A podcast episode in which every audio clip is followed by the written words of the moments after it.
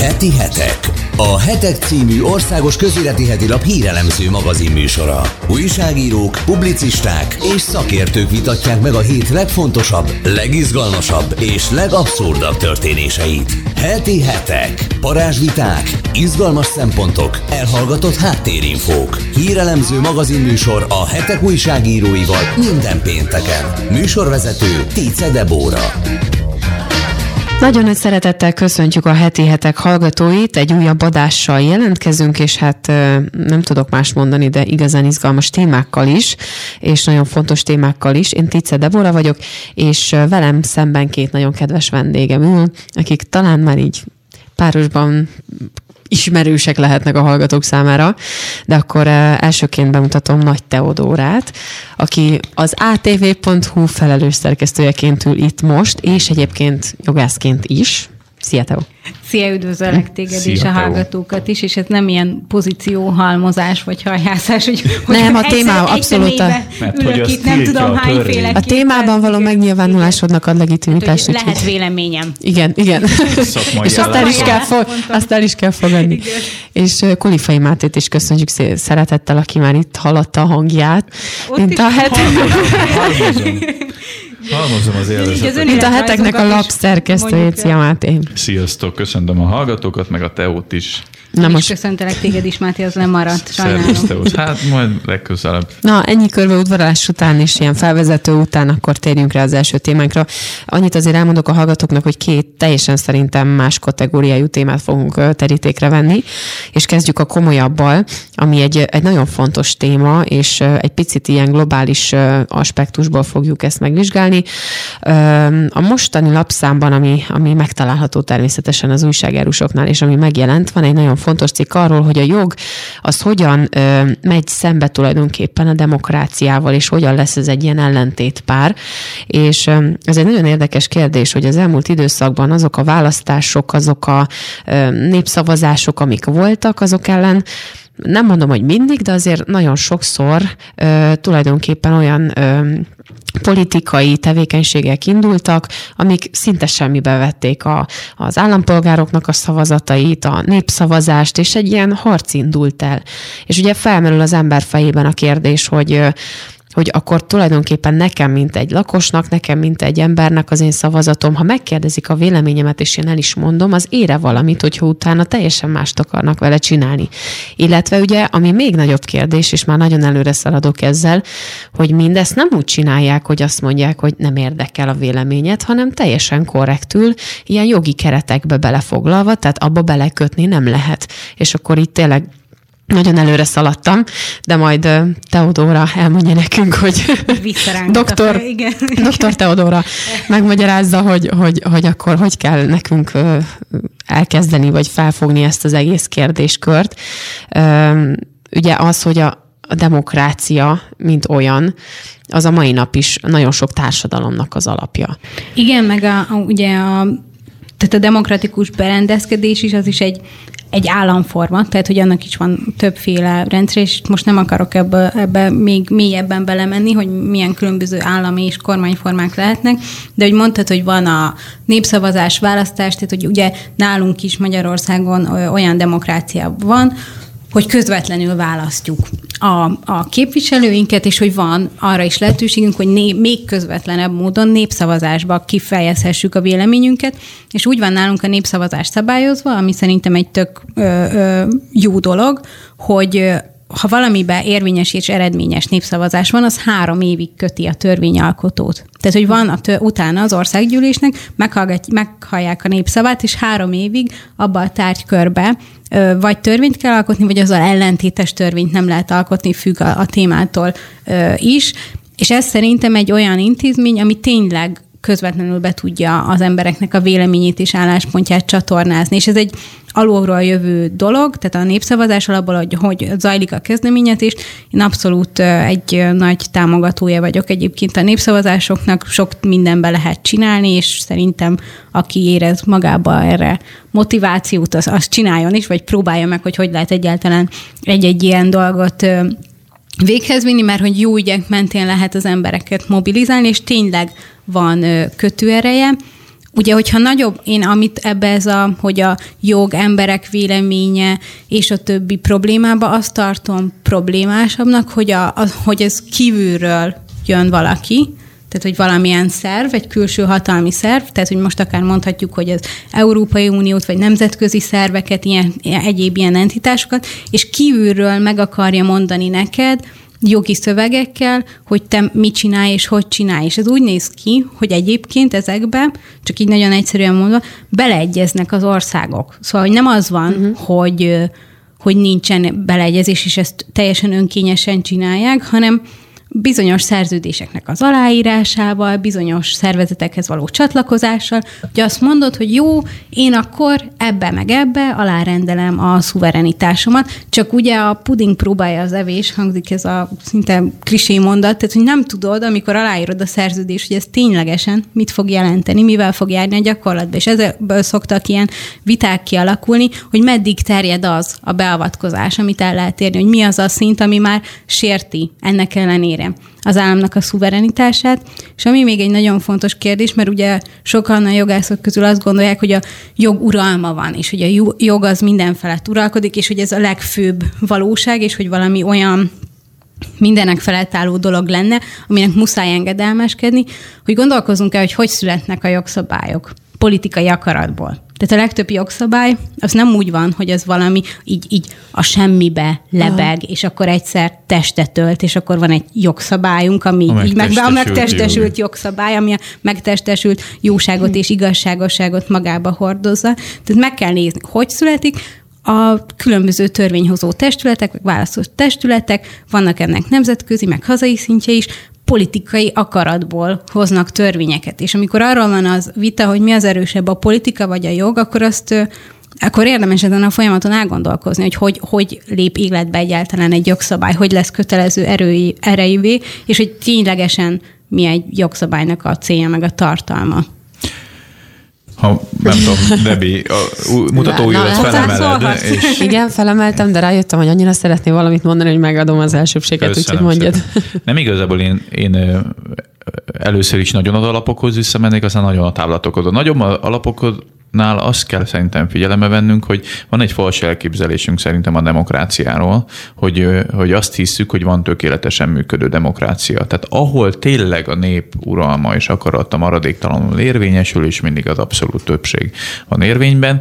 és nem véletlen, hogy egy demokratikus rendszerben is rengetegféle akár jogszabályokkal, akár a fékek is egy ellensúlyok rendszerével, akármilyen más módon valahogy a, a tömegek által képvisel, képviselt igazságtalanságot is kor korlátozzák. Mindegy, a lényeg az egésznek az, hogy olyan, hogy, hogy tiszta,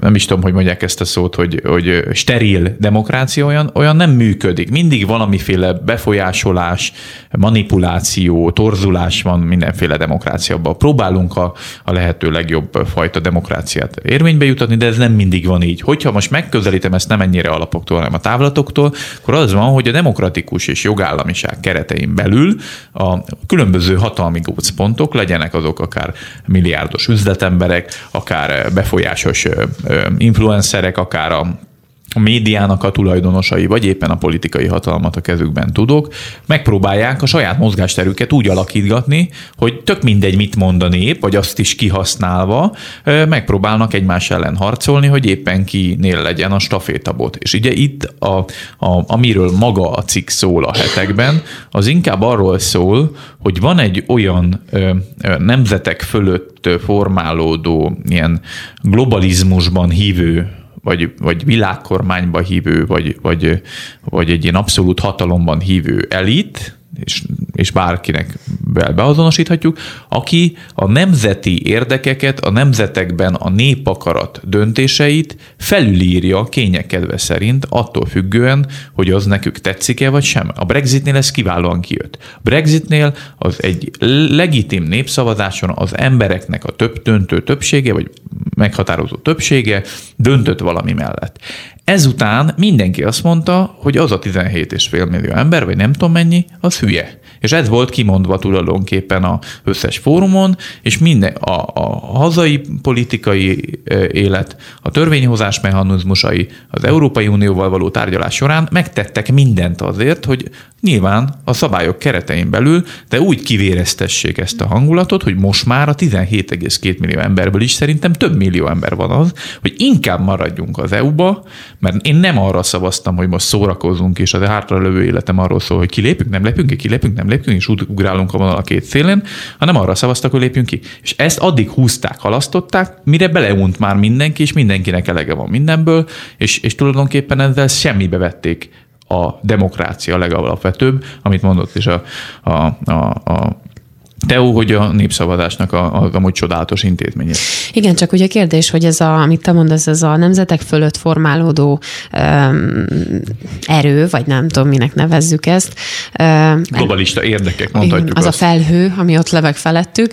Tehát egy ennek mennyi, mennyire van neki uh, joga vagy lehetősége beleszólni a nemzeteknek az életébe. És amit a Teo mondott, hogy, hogy igazából nagyon sok ország saját maga a tudat tehát, hogy az ő tudatán kívül fogad el bizonyos dolgokat szerződésen keresztül, mert hogy azt mondtad, a puding próbálja az evés, sokszor nincsenek azzal meg tisztában. Ugye, meg előnyöket is ö, De hogy sokszor, ígérni ezek a szerződések, igen. hogy soha nem azt És mondja, hogy sokszor hogy... ők maguk adják meg a nyitott kapukat az, azáltal, vagy annak, hogy beleszóljanak az ő nemzeti voltjukba, vagy életükbe.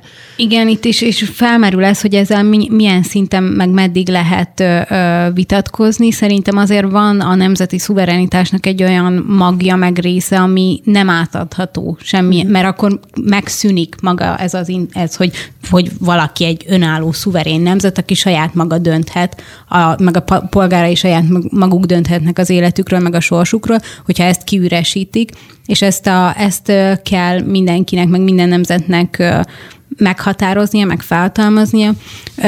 Ugye ez a felmerült ez a globalista elit, hogy ez nem is hogy van, persze van egy elit része, de van, -e, hogy ez egy gondolkozásmód, meg uh-huh. egy mhm. szemléletmód, ami nagyon sokakban ö, átöröklődik, csak az jutott eszembe, miközben Máté erről beszélt, hogy én pár éve voltam nyári egyetemen, és ott voltak Nyugat-Európából ö, diákok, és ö, többen mondták azt, hogy akkor fog eljönni, és mindenki 20 éves volt, fiatal, tehát nem nem elit, hogy így mondjam, vagy nem, nem, nem gondoltam azt, hogy bármilyen elitnek a tagját képezik, de hogy akkor fog eljönni a béke, a világbéke, hogyha megszűnnek a határok, a nemzeti határok, és hogyha a vallási ellentéteket is lebontjuk egymás között. És, és olyan hittel mondták, mint egy vallási meggyőződéssel, és hogy annyira érdekes volt, hogy a, a kelet-európaiak meg egyszerűen ezen nem tudtak túllépni. Uh-huh. Hogy hogy lehet így gondolkozni, hogy te megszünteted a határokat, és ez még 2015 előtt volt, szóval, hogy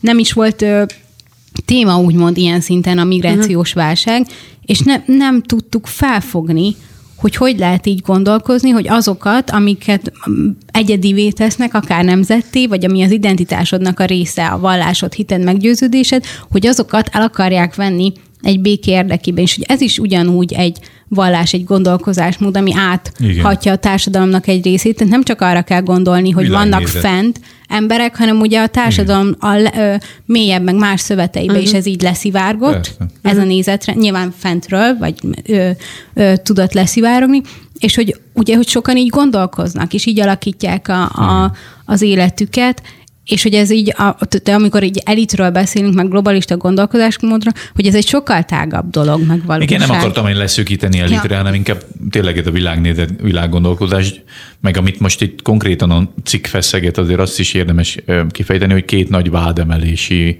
vagy jogi eljárás van most éppen érvényben, ami egyáltalán indukálta ezt a cikket. Az egyik Netanyahu ellen tulajdonképpen ott, ha nagyon lecsupaszítom a vád emelést, akkor arról szól, hogy ő kapott ilyen luxus cikkeket, mint szivar, meg stb. cserébe bizonyos döntésekért, illetve próbált ráhatni sajtóra, hogy róla kedvezőbb cikkeket hozzanak le. Ha jogot nézzük, akkor a vádemelés önmagában legitim lehet. De ha azt nézem, hogy amúgy a mindenkori hatalom a világban, hogy gyakorolja a hatalmat, akkor nem elvileg egy főleg egy kelet-európai ember az ellen nevet, hogy ez vajon egyáltalán miért kellene olyat szülnie, hogy a Netanyahu eljárást egyrészt, ahogy lebegtetik a levegőbe egészen addig, amíg politikailag a leggyengébb vagy legtámadhatóbb időszakban ezt be tudják dobni, és utána pedig mostani hírek szerint képesek 333 tanút is felsoroltatni a, a, a bűn vádotlak padján, úgy, hogy még a Nürnbergi perben se volt ennyi ember a, a, a, a, a tanúk padján. Tehát ugye picit Mondjuk abszurd a Nürnbergi per jogi mhm. szempontból nem éppen az ne, a, nem, nem, tehát, ugye, nem hogy hivatkozási a, az, alap. Nem persze, is az, hogy hivatkozási alap, hanem hogy az nem volt, tehát annak a jogszerűsége vitatott, az, az egy, egy, volt egy nagy felháborodás, és ott igazságszolgáltatást akartak csinálni, csinálni de értem, értem a hasonlatot. Nem, hogy ön, önmagában van egy abszurditása a ténylegesen elkövetett immoralitásnak, és a, az azután a jogszabályok szín, olyan szintű variálásában, értelmezésében, feldolgozásában és ebben az egész kommunikációban, ami, ami irreális nagy cirkuszi produkció is. A Trumpnál ugyanezt látjuk. A Trump esetében is olyan szintű az ő ukrán ügye, ami a hivatali visszaélés uh-huh. súrolja, ami igazából egy elnök pályafutás alatt, én most csak becslés mondod, de hát szerintem Obama alatt előfordult ilyen öt tucat is ilyen jellegű telefonbeszélgetés. Tehát nem idegen a politikától, ami történik. Ami fura, az az, hogy ha nem sikerült az orosz összefüggést felnagyítani, akkor hoznak egy impeachmentet. Ha az impeachment, tehát ez a vádelemési eljárás, ez is befutcsol, akkor hoznak valami más cirkuszi mutatványt, ami hónapokon keresztül erről szólhat. Inke... És akkor ebbe belebukhat egy olyan, akkor is belebukhat egy vezető, hogyha amúgy a végén elvileg nem kap zöld lámpát maga vádemelés. Igen, hát én itt néztem, hogy mit írtam fel magamnak ezzel az egész témával kapcsolatosan, és egyetlen egy ilyen kérdés van előttem, hogy, hogy ennek az egésznek a kulcsa talán az lehet, hogy ki hangos és ki nem. És, és kicsit talán azt lehetne ebből kiérezni, hogy mondjuk van ez a politikai elit, akiről beszélgetünk, és mondjuk nekik bizonyos érdekeik vannak, és ők azt nagyon jól, bizonyos jogi eszközökkel nagyon jól tudják mederbe tartani, most akár ilyen eljárásokkal, amikről beszéltünk, vagy a Brexitnél, vagy tehát, hogy nagyon jól kommunikálják ezt az egészet, és viszont van egy kvázi többség, akik meg nem tudnak annyira hangosak lenni, és ezáltal az érdekérvényesítés is valahol elmaradt tulajdonképpen. Nem tudom, hogy erről mit gondoltok. Hát ugye ezért jók a választások, meg a népszavazások a Brexit kapcsán is, hogyha valaki ö, nyomon követte az eseményeket, és a médiából igyekezett tájékozódni, vagy a mainstream médiából igyekezett tájékozódni, akkor teljesen megdöbbent, hogy a Brexit mellett szavaztak. De én, én mm. megdöbbentem. Mm. És és elsőre nem értettem, mert biztos voltam benne, hogy a, a, a maradáspártiak fognak, még ha szorosan is, de győzni, és hogy ebből látszik az, hogy hogy igenis az embereknek, hogyha olyan környezetben vannak, ami ellenséges, nem mondják el a véleményüket, megtartják maguknak, de amikor van ilyen lehetőségük, hogy szavazás vagy népszavazás, akkor elmennek és voksolnak, mivel ugye, hogy ez egy anonim mm. véleménynyilvánítás, nem lehet ellenőrizni, nem lehet őket számon kérni, de mégis valamilyen irányba eltolják a dolgokat, ami az ő meggyőződésük. És de aztán még sincs meg az az exakt eredmény, amit várnál Nyilván ez tőle. egy más típusú probléma, de igen, csak hogy itt, itt ö, hogy az, hogy hogyan lehet az, a, az embereknek a tehát az, hogy nincs meg az eredmény, az ugye el, kedvteleníthet uh-huh. egy idő után, viszont meg amikor jöttek, hogy második népszavazás legyen, meg már minden, tehát hogy az, az is egy teljesen abszurd dolog, hogy van egy népszavazás, és kért egy második népszavazás, tehát a demokráciát igazából megtaposod úgy, ahogy van, mert a demokrácia ugye a nép akarat az uh-huh. érvényesítése, és abba benne van az a lehetőség is, hogy a nép tévedhet, és a nép tévedéshez való joga úgymond, csak hogy ez egy pont ez a, a többségi elv a, az irányadó, de nem is ez a lényeg, hanem az, hogy azokat az, ember, az emberek nagy jobb része nem hangos, vagy nem, az a, nem a hangos tömegnek a, a részét képezi, viszont valahogy fel kell őket is ö, ö, szabadítani, meg, meg éreztetni velük, hogy fontos a véleményük, és hogy, hogy képviseljék őket, vagy hogy ez a minden vélemény ö, fontos. Nem tudom, hogy erre uh-huh. a, a politikának egyébként nem ez a, a célja, hogy minden embert feltétlenül, vagy mindenkinek a véleményét egyformán fontosnak tartsa, meg értékelje, meg becsatornázza. De a politika az egy érzelmi játék is sokszor, tehát nem egy racionális dolog, mármint amikor a, a, próbálják a tömegeket valamire rávenni, és úgy érzelmi alapon működik, és és ezért nyilván könnyebb is a, a visszaélés ö, vele. Talán az, hogy, hogy a, a, erre fel lehet az embereket készíteni, hogy valamilyen hát csak ugye, fal... ugye azt sem szabad kizárni az egész diskurzusból, hogy azért egy, van egy, egy elég markáns manipuláció is, az, sokszor a népakarat befolyásolása. Ezt akartam mondani, hogy így záróakkortként igazából ehhez a témához, tehát hogyha történelmet megnézzük, azért voltak korszakok, amikor fegyverrel kényszerítettek valakit arra, hogy ezt és ezt tedd, vagy egy népet, vagy hogy mondjuk diktatúra alatt próbáltak az embereket egy mederbe tartani, és elérni az akaratukat a vezetők. Most, most nem feltétlen ez van, most valahogy egy ilyen sokkal szolidabb, konszolidáltabb köntösbe bújtatva igazából, de mégiscsak a, a, a hatalom ér, érdekérvényesítését látjuk, vagy akaratérvényesítését. Hát abszolút, meg, meg egy, tényleg egy záró mondat csak, hogy a, a, azért itt a, a, egy olyan közhangulat kezd uralkodni, hogy aki e, ehhez az abszolút igazsághoz, mely szerint a globalizmus jó, az ultraliberalizmus jó, stb. Ha ez igazodsz, akkor minden harmonikus számodra, és csak egy kisebbség küzd ellened. Hogyha ellent mondasz, akkor pedig a létező legnagyobb kálváriát okozzák az embernek. Legyen az, hogyha népszavazás van, akkor semmibe veszik őket, lehülyézik őket, hogyha ha, ha egy politikusról van szó, akkor pedig olyan pereket akasztanak a nyakába, mm. hogy, hogy, hogy, hogy kettőt lát ő magából. Hát jó, megfejtettük a világbékét, vagy legalábbis igyekeztünk.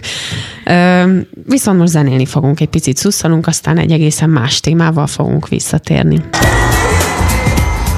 Heti hetek. A Hetek című országos közéleti hetilap hírelemző magazin műsora. Újságírók, publicisták és szakértők vitatják meg a hét legfontosabb, legizgalmasabb és legabszurdabb történéseit. Heti hetek. Parázsviták, izgalmas szempontok, elhallgatott háttérinfók. Hírelemző magazin műsor a hetek újságíróival minden pénteken. Műsorvezető Tice Debóra.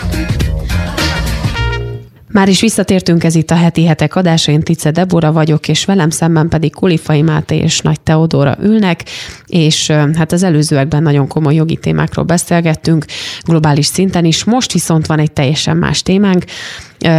Legutóbb, amikor én nem voltam itt, és csak ti voltatok Máté, akkor volt egy nagyon nagy hype story, ez volt az OK Boomer, és most van egy ehhez hasonló téma, ez pedig a share renting, és nem tudom, hogy hány hallgatónak mond ez bármit is, hogy ez mit jelent, és hogy egyáltalán ismerik -e ennek a fogalmát, vagy ennek a hátterét.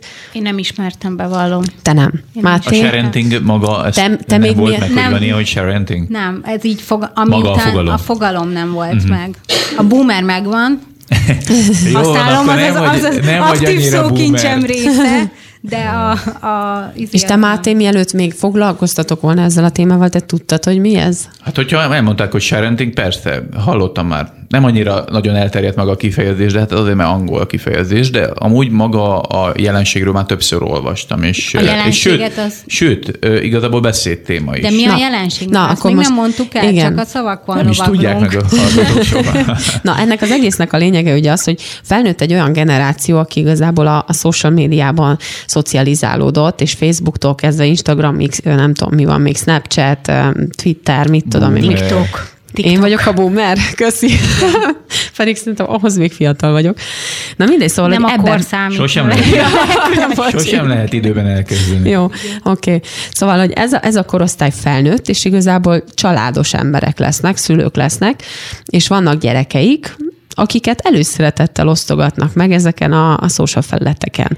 És igazából ez az életüknek a része, hogy akár influencer valaki, akkor a gyerekén keresztül próbál történeteket eladni, naplót eladni, nem tudom, termékeket eladni, bármit, de lehet, hogy egyszerűen csak hétköznapi ember, és ahogy orba szájba tolja fel a képeket a gyerekéről. Egy kis, nem tudom, sztori, egy kis poszt, egy valami, most itt vagyunk, ott vagyunk, és igazából mondhatni egy nyitott könyv az embereknek az élete. Igen. És ez a cikk, ami, ami megszületett a hetekben, ez nagyjából ezt foglalja össze. Egyrészt, hogy milyen hátrányai, milyen veszélyei vannak ennek.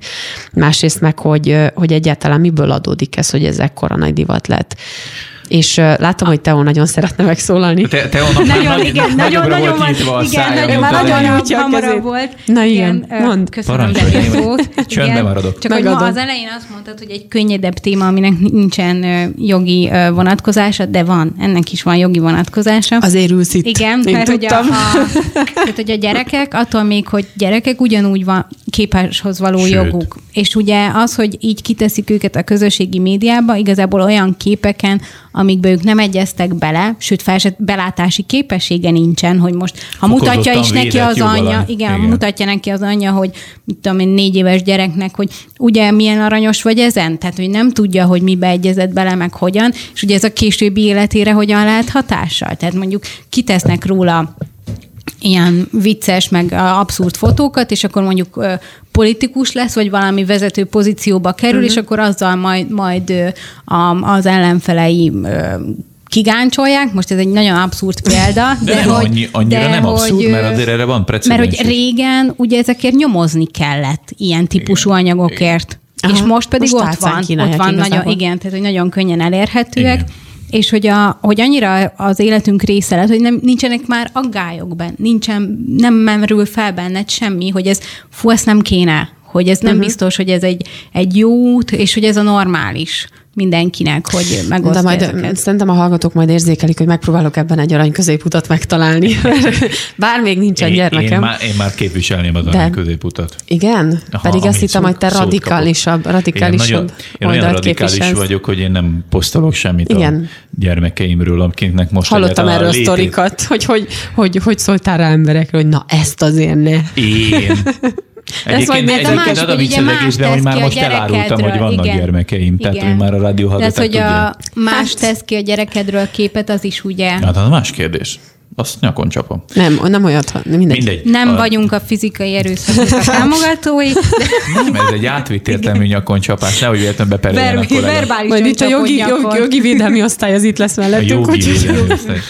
Ö, Tehát amit akartam ezzel kapcsolatban mondani, az az, hogy egy- egyáltalán maga a kommunikáció módja megváltozott, és azért ezt ne hagyjuk figyelmen kívül. Tehát itt nem csak szülőkről van szó, akik a gyerekeket akarják pusolni a, a neten, hanem az összes tinédzser, az összes rengeteg ember, aki influencer lenni, megosztja az életét, az emlékeit, az utazásait, a, a, éppen aznap evett reggeliét. Tehát, hogy önmagában ez a közlési kényszer, ez egy társadalmi betegség, illetve jelenség, inkább így mondanám, és igazából nem az van, hogy a szülők találták ezt ki, de most ugye egy olyan szeletéről beszélünk ennek az egész közlési mániának, ami a szülőket érinti.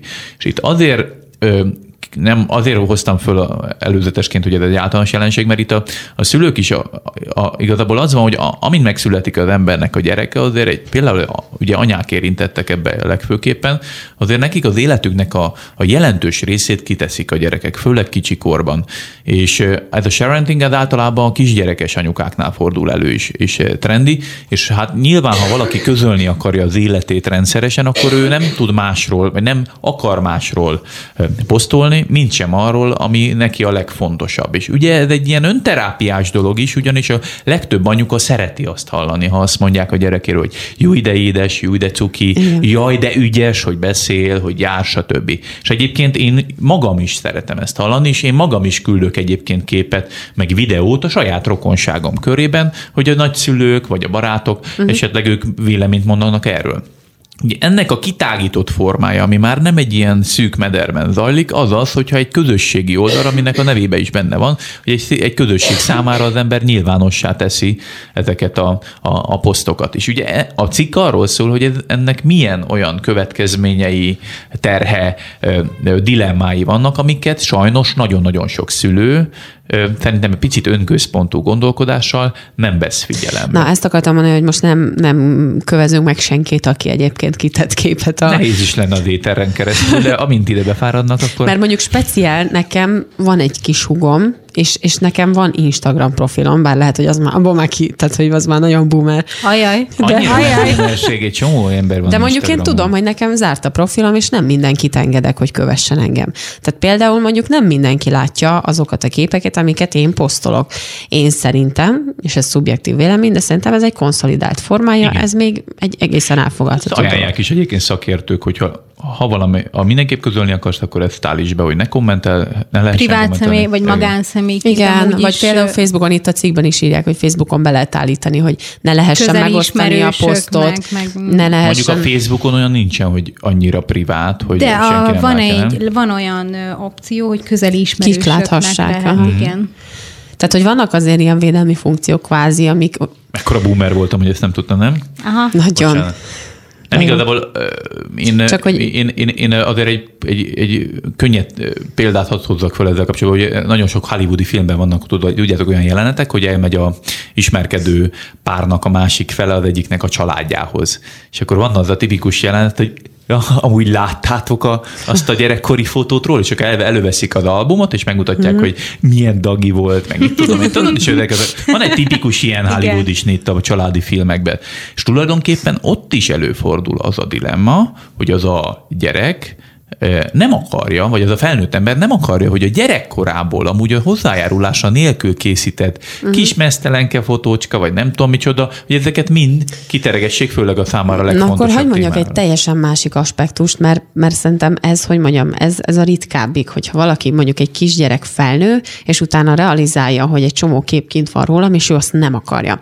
Szerintem például sokkal nagyobb veszélye van annak, hogy babakortól kezdve hozzá van ahhoz szoktatva valaki, hogy szelfizzünk, beálljunk, ilyen fotót csináljunk, olyan fotót csináljunk, és ő már egy egészen másképpen fog viselkedni, akár telefon előtt, kamera előtt, bármi előtt, tehát hogy egy ilyen kicsit ilyen torszemélyiség kezd kiépülni, amit mutatni kell kifelé. No, de, de az, az a társadalom felelőssége. Ugye azért, azért szülők... jó ez a, az ne, aspektus, amit felvetsz, de önmagában ugye ő a barátaitól tehát, is látja bocsánat, majd én, én gyerekként, viszont... vagy legalábbis az én korosztályomban gyerekként nem voltunk ahhoz hozzászokva, hogy pózoljunk mindenhol. Én most például az öt éveseknél, vagy a négy éveseknél tökre azt látom, hogy meglátnak egy telefont, és csinálnak róluk egy képet, és egyből pózba vágják magukat. Tehát tudják, hogy hogy kell viselkedni. Ez egy társadalmi betegség. Én azért De mondom, ez ezt hozza, hogy, hogy folyamatosan... Nyilván hozzászoktatja a nevelés során a, a, a szülő, de én azért még visszakanyarodnék a, a, az előző gondolatmenetre, mert itt ugye a legnagyobb probléma mégiscsak abból adódik, hogyha mondjuk Debi, én találkozok veled, te bemutatkozol, nem nincs meg az a lehetőséged, hogy a saját élettörténetedet, a saját személyiségedet te mutasd be nekem, hanem én, mint a, a éppen most... Igen, rád kereshetek az interneten, és a, a, az édesapád, édesanyád nagyon nagy posztoló volt gyerekkorodban, és tegyük fel az összes létező baklövésedet, hibádat, Múgy traumádat. Ezt munkahelyeken csinálják, és meg hogy is a HR-esek És nem is Facebookon. veszik föl mm. azt, aki gimnazistaként egy óriásit bulizott, de nem tudja letörölni a, a nem tudom, szétcsapott állapotát az internetről. Hiába változott meg, és mi, mint keresztények, így még azt is mondanánk, hogy mennyire idegesítő lehet az, ha valakinek a megtérés előtti, vagy az életmód váltása előtti időszakát agyba főbe pusolják ki az internetre, mert ha belegondolunk, tulajdonképpen ezzel megakadályozza azt is az ember, hogy, hogy ő egy, egy új önmagát tudja eladni, vagy ő, új önmagában tudjon megmaradni, mert mindig a régi önmagával szembesítik. Uh-huh. És azért ez egy komoly dilemma, az már, már szóba se kerülhet, hogy igazából iszonyú könnyűvé válik egy embernek az egyéniségének az ellopása, ha minden egyes gyerekkori pillanatáról valaki lement képeket. És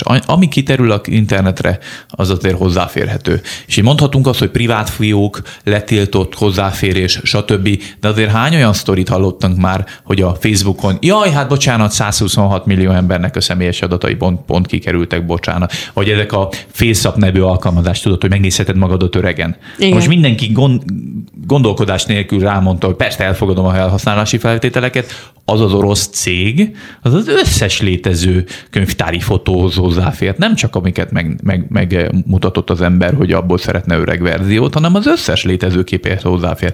Tehát én azért ezzel sokkal óvatosabb lennék, uh-huh. hogy, hogy az ember ebben Én abszolút egyetértek.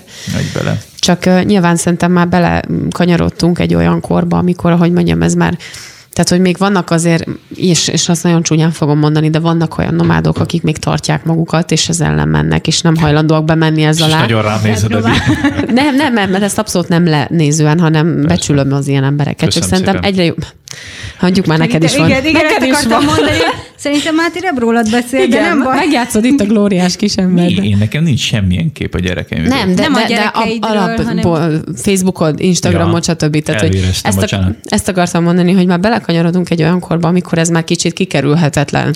Ugye ez a kommunikációnknak az Igen. elsődleges for, tehát hogy mi mindent ezen keresztül beszélünk meg, meg osztunk, legkönnyebben elérhető. Hamarabb elérsz valakit Facebookon, mint telefonon. Igen. Igen. De mondjuk ezzel, ezzel önmagában Nincs- ne- szerintem nincs feltétlenül probléma. Nyilván lehet túlzásba vinni, lehet meggondolatlanul, de ugye itt most felnőtt embereknek a szokásáról van szó. A gyerek viszont nem magáról teszi föl sokszor a képeket, és nincs tudatában annak, hogy róla kikerülnek, és nem is tehet semmit ellene. És ilyen szempontból sokkal kiszolgáltatottabb. És senki nem tudja, hogy a következő miniszterelnököt, vagy nem tudom micsodát neveli-e éppen az otthonába, és a róla pelenkás Most, kép, most egyébként így belegondoltam, mert van egy másik cikk is a hetekben a norvég gyermekvédelemről, és ugye ott pont arról van szó, hogy a gyermeket azt egy külön önálló személynek, most ezt nem fogom tudni pontosan Nem a mondani. család ré- nem a nem a családot csal- veszik igen, nem a egészbe, hanem szülői, külön- hanem igen. a gyermek az külön egyén, Igen. és neki jogai vannak. Meg az és, állam és egy kicsit lefutattam az agyamba, hogy eljöhet-e az az idő, amikor mondjuk beperlik a szülőket azért, vagy meg,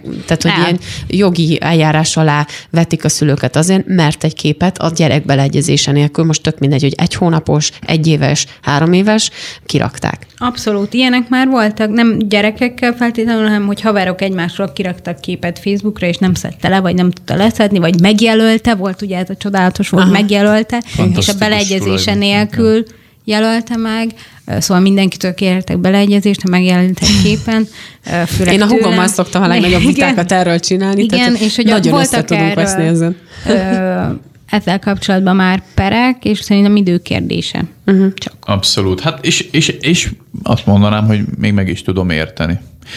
Én el tudom képzelni azt magamról is, hogy nagyon összetudnék veszni a szüleimmel, hogyha ők engem egy olyan hátrányos helyzetbe hoznának a, a kiposztolt akármiükkel. Azt megértem, hogy hátrányos helyzetnél persze kiakad, de hogyha mondjuk a szüleid egy családi képet megosztanak, és te nem egyeztél bele, Hát nyilván, hogyha engem nem érint érzékenyen, akkor nem per- pereskedek, de hát ez más se pereskedik. mi az- hogyha, igen. igen, mindenkinek megvan a saját döntési lehetősége, hogy ő önmagáról mit akar, hogy a, a széles világ megosszon. És egyébként ezt teljesen meg tudom érteni. És ugye ezt nem gondolja végig sokszor a szülő, amikor kirakja, mert ő önmagát látja a gyerekében, és ő szeretne az örömében, vagy akár a bánatában osztozni. Uh-huh. És ugye ez egy természetes emberi reakció, csak ugye jó lenne ezt átgondolni, és nem látja annak a veszélyét. Ameddig ennek nem lesznek precedensei, hogy internetes ragadozók elrabolnak gyerekeket, vagy visszaélnek, vagy kiderül, hogy pedofilok nézik ezeket a fotókat, vagy, vagy kikerülnek, és, és el, el, nagyon fogja a fejét. el, el, ellopják a, a azonosságukat, addig lehet, hogy senki a veszélyét nem érzi a saját bőrén, hogy az ő gyerekével is előfordulhat ugyanez. De amúgy nem lenne hülyeség, ha ezen gondolkoznánk, ugyanis onnantól kezdve, hogy valaki tényleg a széles közvélemény során kitesz egy képet, és arról kap, kap tíz jó kommentet, az nem azt jelenti, hogy az összes létező néző az mind ugyanabban a kultúrát, normális hangnemben nézi azt a, azt a fotót. Nem akartam túlságosan elmenni a szélsőségek irányába. Mit akartam mondani? nem, ez, ez, hogy ez, ez valóban egy veszélyt jelent, meg az, hogy az internet ugye nem felejtett, hogy minden uh-huh. felkerül, és hogyha még csak felöltözött képeken ö, teszed fel a gyerekedet, tehát hogy azzal is lehetnek problémák, de hogyha így ráadásul ilyen fürdetéssel, meg ilyenekkel, tehát nem, az emberek magukból indulnak ki, és Igen. nem akar ő fel, nem akar rosszat, tényleg egy élményt, egy, egy állapotot, egy életérzést akar megosztani, hogy most milyen jó, hogy itt vagyunk együtt, és nyaralunk, vagy hasonló, szóval senki nem akar tudatosan rosszat ezzel. Nem Igen. arról van szó, hanem hogy ezt is ők szeretetből, meg örömmegosztás, amiről szól ez az egész képmegosztó, meg élménymegosztó programok, ezért csinálják, csak hogy, hogy van egy veszélyfaktora, amit Igen. a Máté is mondott, és most nyilván nem, nem minden bokor mögött van egy Persze. pedofil típusú ö, ö, narratívát akarjuk itt tolni, csak hogy, hogy tényleg érdemes ezt tudatosan végig gondolni, tehát akár úgy, hogy megválogatod azokat, akik láthatják. Akkor mondok egy, egy, egy jobb veszélyt, ami, ami általánosan például az internetes bullying. Tehát a gimibe, ahol nagyon-nagyon gonoszak tudnak egymással lenni, vagy felső, osztály, felső tagozatban, ahol nagyon gonoszak tudnak. Általánosba is sajnos. Igen, általánosban is. Nagyon gonoszak tudnak lenni egymással a gyerekek. Én szerintem egy, egy két perces kutatással simán ki lehet készíteni bárkit abba a korosztályba, amiben most a, az általános iskolások vannak, mert hogyha ha eléri azokat a fotókat, hogy milyen hülyén nézett ki, vagy mennyire dagi volt, vagy stb., simán lehet akár egész komoly dilemákba zaklatni gyerekeket, és ha már most hallunk ilyesmit, amikor még ennek nem volt akkora divatja, illetve a mikorosztályunkban voltak ilyen bullyingek, akkor mi a garancia arra, hogy amikor a mindent megosztottak a születésétől kezdve, akkor nem lesz. És azért elég gonoszak tudnak lenni Igazából hát nagyon egyszerűen meg lehet oldani ezt a problémát. Az az anyuka, aki nem tudom, minden nap szeretne posztolni a gyerekéről, akkor oda vezénylünk száz ezer embert, ott lesznek a lakásában, egész nap azt nézik, hogy hogyan pelenkázik, hogyan eteti a gyereket, hogyan igen, altatja. Tehát, hogy erről van szó kvázi.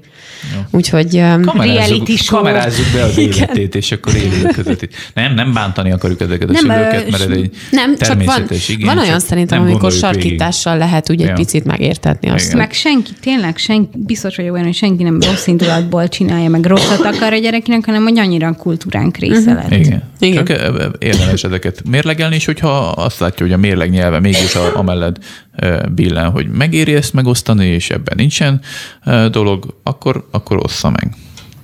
Ne hozta meg. Zárójel. Szabadság, nem, mindenkinek szabadsága van azt csinálni, mint a... Igen, nem megszólalt a szakmai álláspont. Ja. Na jó, hát nagyon Feljük a figyelmet, hogy lehetnek problémák. Ez a, tudod, beveheted, de a mellékhatásokat azokat csatoljuk. Igen. Na, hát Kezelő akkor... orvosát gyógyszerészet kérdezve megelőzte. Jó, hát eh, sajnos lejárt a, a mai műsoridőnk, de izgalmas témák voltak, úgyhogy köszönöm szépen, hogy itt voltatok. Köszönjük. És Köszönjük a kedves a hallgatók eh, figyelmébe pedig ajánljuk a legfrissebb heteket. Hotel Erdogán ez a címlapon, és még nagyon sok, rengeteg izgalmas beszélgetés, interjú eh, cikk található benne, úgyhogy mindenképpen vásárolják meg. Mindenkinek nagyon kellemes estét kívánok, és szép hétvégét a Viszonthallásra. Ez volt a Heti Hetek.